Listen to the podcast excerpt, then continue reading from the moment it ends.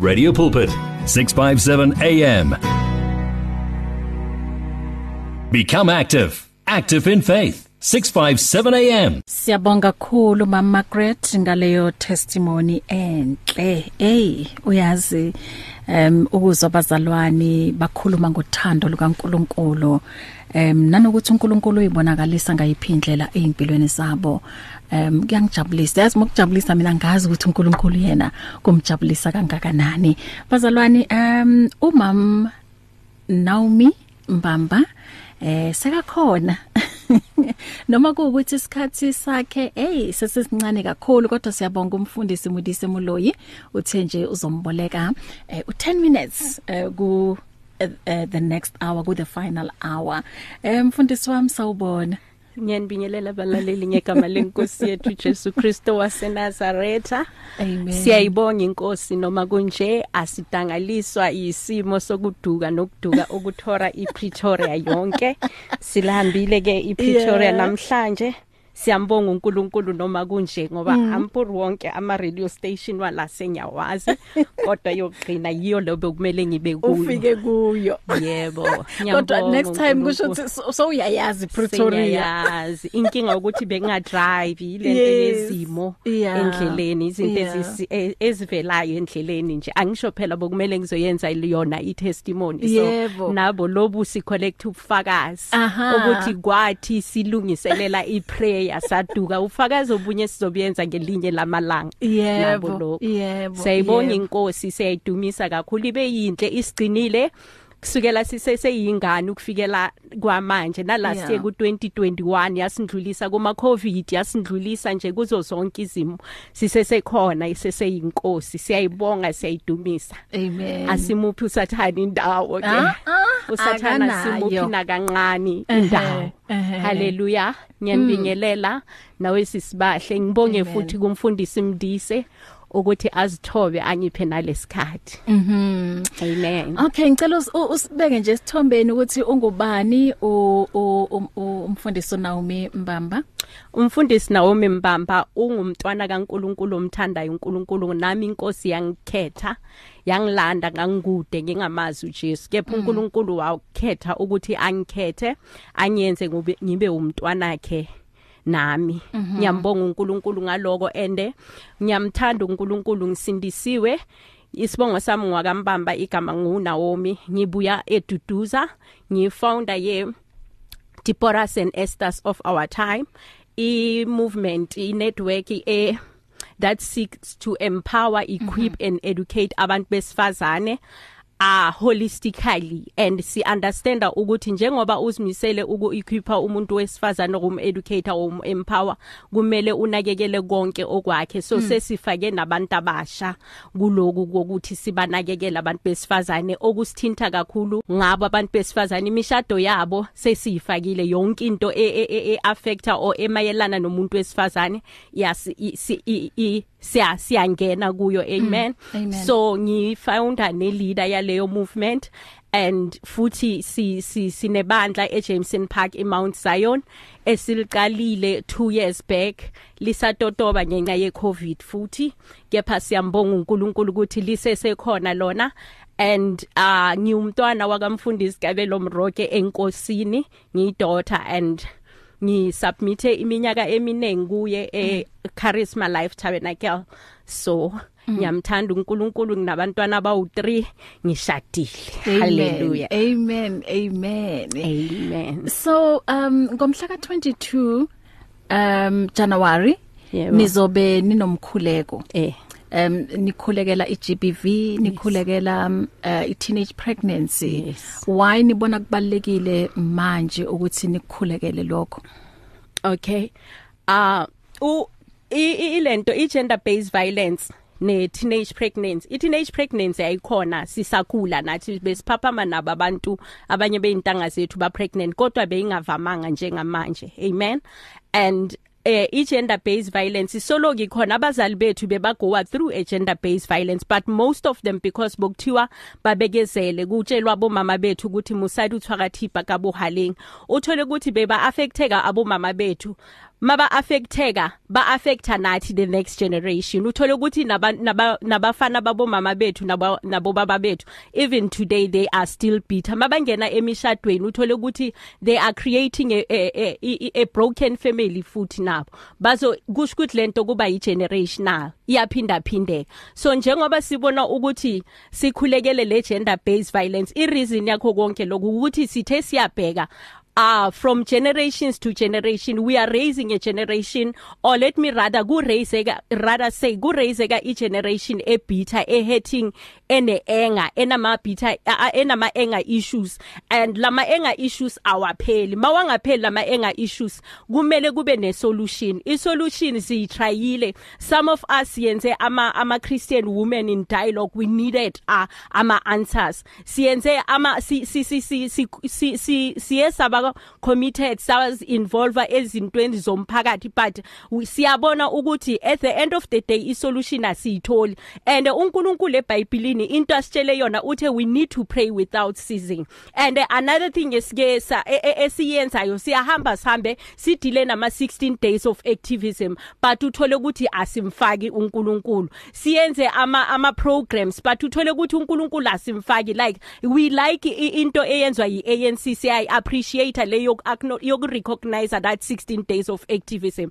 But i gender based violence it's not a 16 days event. It, it needs to be 365 days event. Annually on a daily basis hourly we need ukuthi sibhekane nayo.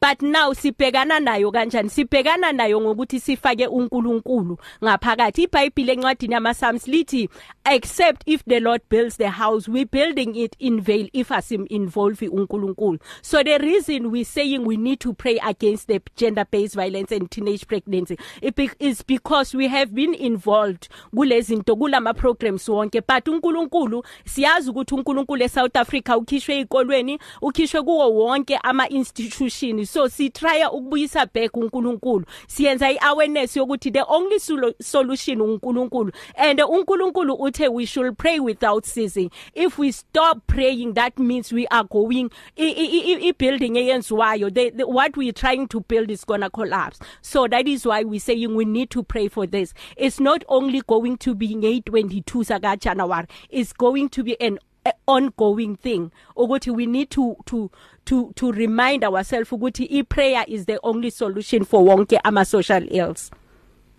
Um mhlambe uma ungakhuluma nabantu abasha khona manje and mina ngithola iunfair lento yokuthi um like young girls ibona aba okuthi maka pregnant uyena ongathi u suffer the consequences ukundlula um mhlambe ubudi loyo zobe khona or whoever omenza ukuthi abe pregnant.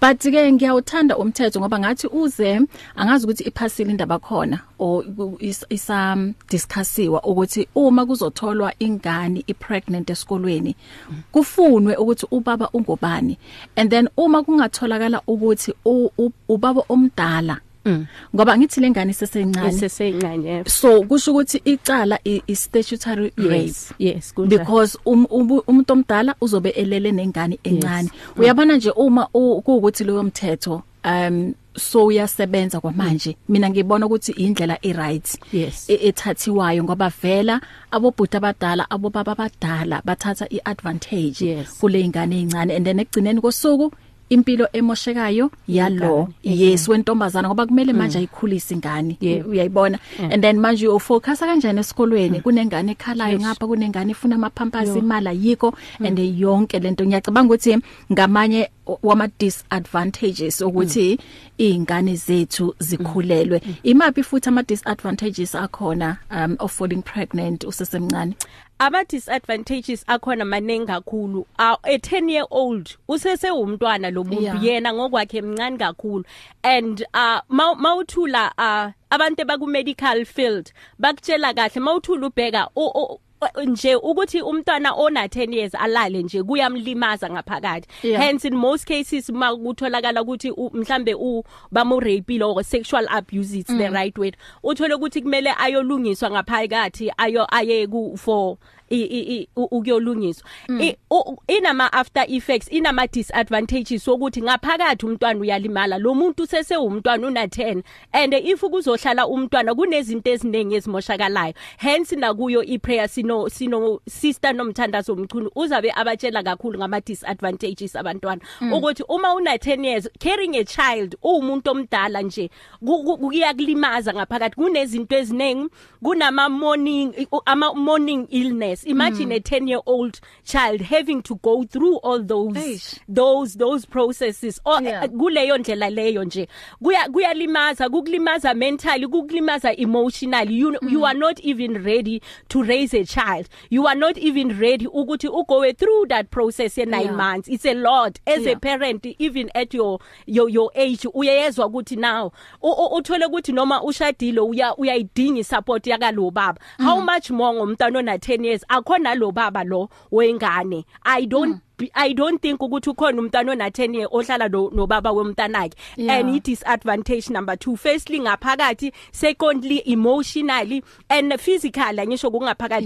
And then also financially uyithatha uphi umntana ona 10 year old? Because naye ngokwakhe usa usahola lo sasa lona. Akana nemali yokusupporta lo mntwana lo.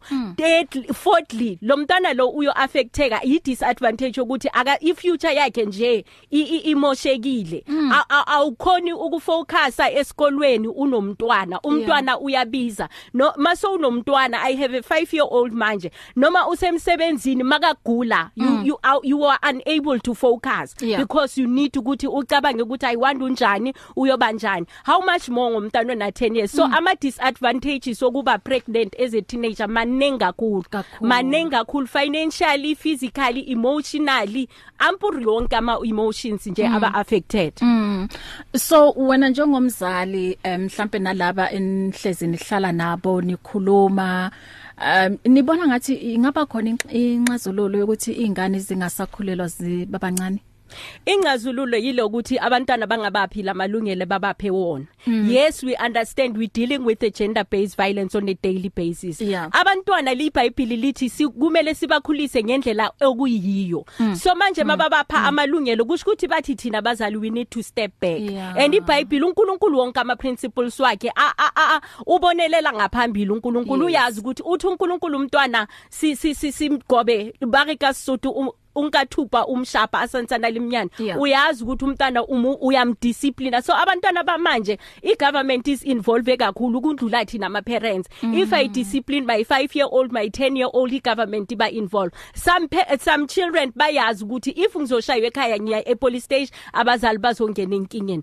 So mina ngithi isolution ukuthi as parents yes we understand there are parents abashaya abantwana to an extent yokuthi bababulale. So if bangabuyisela ama principles wakaNkuluNkulu ukuthi sibakhulise ngendlela yakaNkuluNkulu. That's the way. Amen. We're going amen, to have amen. a better South Africa. Mm. yes. Sure. Um sisiyakholelwa emkhulekweni and lento eniyenzayo inhle kakhulu um mfundisi ukuthi kuzoba khona i prayer for social ills. Yes. izoba ngomhla ka 22 Nge- ngomhla ka22 waka January Yeah. ngo 10 o'clock e resort center.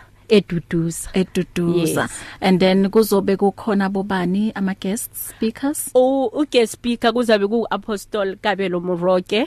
Uh uzabe vele a- ayi guest speaker uzokhuleka futhi. And then kukhona no no sister uh, nomthandazo mchunu uzaba khuluma ngawo ama disadvantages of falling pregnant uh usese young uh, as a teenager as well as um u u Dina Nyathi u Dina Nyathi u uyi social worker usebenza e Lifeline so uzabe akhuluma ukuthi ama challenges ebabhekana nawo yimapi nokuthi badila kanjani nalama issues. Because udila ngabantu besifazane nangama teenagers nangabantwana. As well as u- u- umfundisi uh, Christopher Denga. Usebenza u- u- i- ilento i ministry yakhe ukurestore umuntu wesilisa nomfa ne boy child. So angisho siza nabamto namantombazana nabafana. Yes. ukuthi o- umsebenzi wakhe ukugwema ukuthi abafana abancane ba end up basemajele because usebenza kakhulu ngama prison ministry mm. as well as uh kukhona ke no no esingamfakanga eposteni usayitsheni uh, manaka uzaba mm. khona ukuthi ama cases badila nawo kanjani mm. ukhona then a surprise speaker naye we also have a surprise speaker okay kune surprise speaker yes all right ithike kulo 4 minutes esiboleke wona mhlambe lapha ekhaya unombuzo lana uthanda ukubuza umfundisi ngicela ukuthi ungene kuseyimanje ngizokunikeza plus minus 2 minutes 0123341322 eh 3338699 noma ungathumela ivoice note ku 0826572729 inamba ke ye WhatsApp leyo. Asilalele la ivoice note sizokuthi uthini umama? Hallo sisibahle ninjani? Siyaphila silalele siseduduza nathi siyamazi umama umbamba. Ya sizabe sikhona nange20 kuprayer. Siyambonga uNkulunkulu ngalohlelo sisibahle uNkulunkulu akubusise igama lika Jesu Kristu waseNazaretha. Amen. Amen. Amen. Hallo sisibahle. Siyabonga ngihlelo lwakho Nkosi yami. Siyakhula kakhulu. Siyabonga nangomama om inviteile today. Mam Naomi siyamazi. Ya uDorothy la iduduza siyamazi kakhulu. Ya sizabe sikhona Nkosi yami na ku prayer nge20 ya ngoba ziningi izinto Nkosi yami. Kodwa siyabonga sisibahle uhlelo lakho Nkosi yami uNkulunkulu akubusise Nkosi yami ngegama lika Jesu Kristu. waseNazaretha. Amen. Amen. Oh umam Dorothy ukhulume kayi2 oh bengingaqapheli lapha yana ukuthi umam Dorothy ukhulume kayi2 okay 0123341322 kukhona uthanda ukukubuza umfundisi la noma ke thumela ngeSMS umbuzo wakho noma icomment 37871 ye SMS leyo. iWhatsApp 0826572729 uyabona ifone yashesha uma une airtime sishayele 012 uh, 3338699 012334 1322 mhlambe sisamele i ama i call o mhlambe lo uzothanda ukungena la abuze umyalezo nje wokugcina ngaphambi kokuthi sivale ungathini?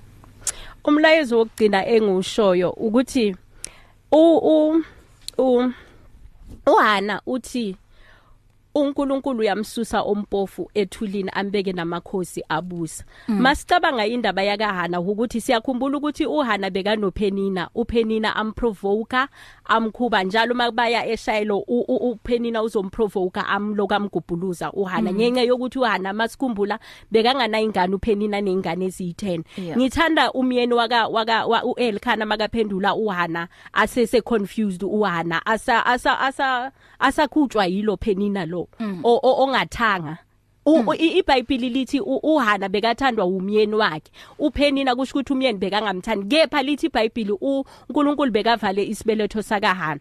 Ngithanda umyeni wakhe makamphendula uthi Hana ukhathazwe yini? Uthi angibalulekanga yini kuwe kunabantwana abayi10 masenza inumerology.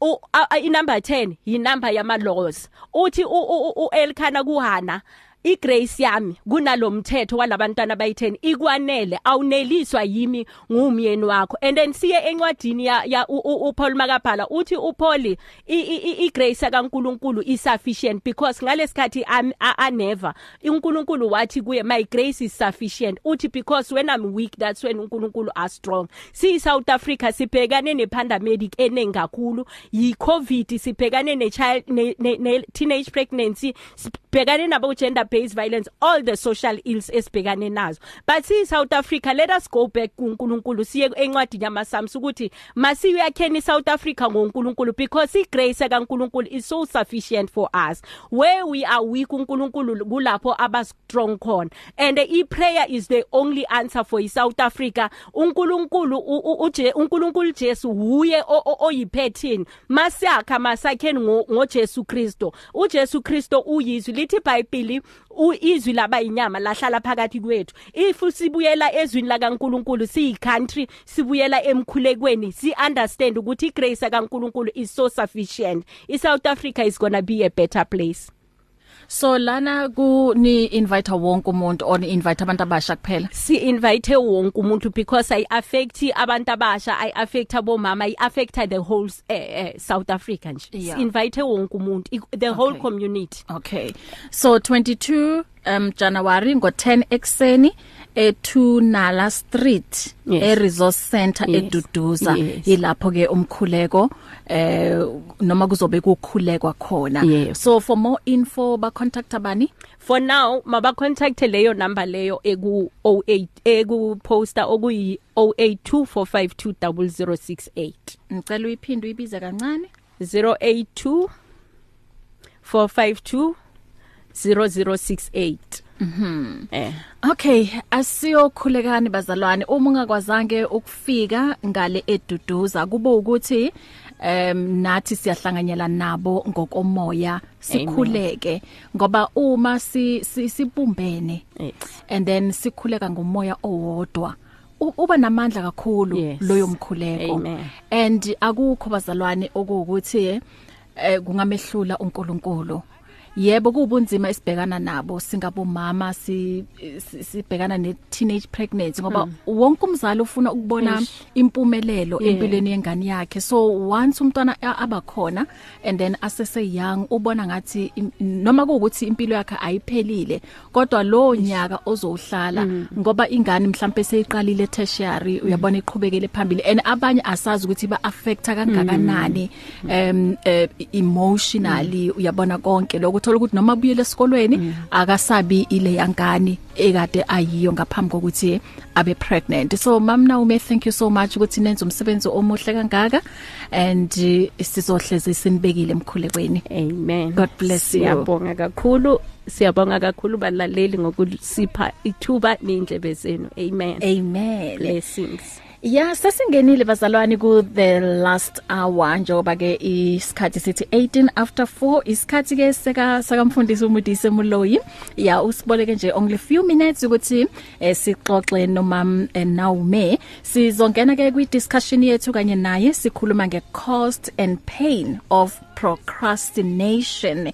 Hey abantu ukuze benze izinto bayadelay baya postpone so sizokubuka lokho ngoba hey singakuthatha ngokuthi u- ugulanyana okukhona yabona yeah so asibuke ukuthi ngabe in- in- i- i- i- i- i solution iyipi lapho nokuthi how can we stop or overcome i procrastination ithi ngakhuluma okuningi uyeza umfundisi umudise Moloyi asisho ke no Bobby Mason sithi love is the more excellent way One vision, one voice, one message.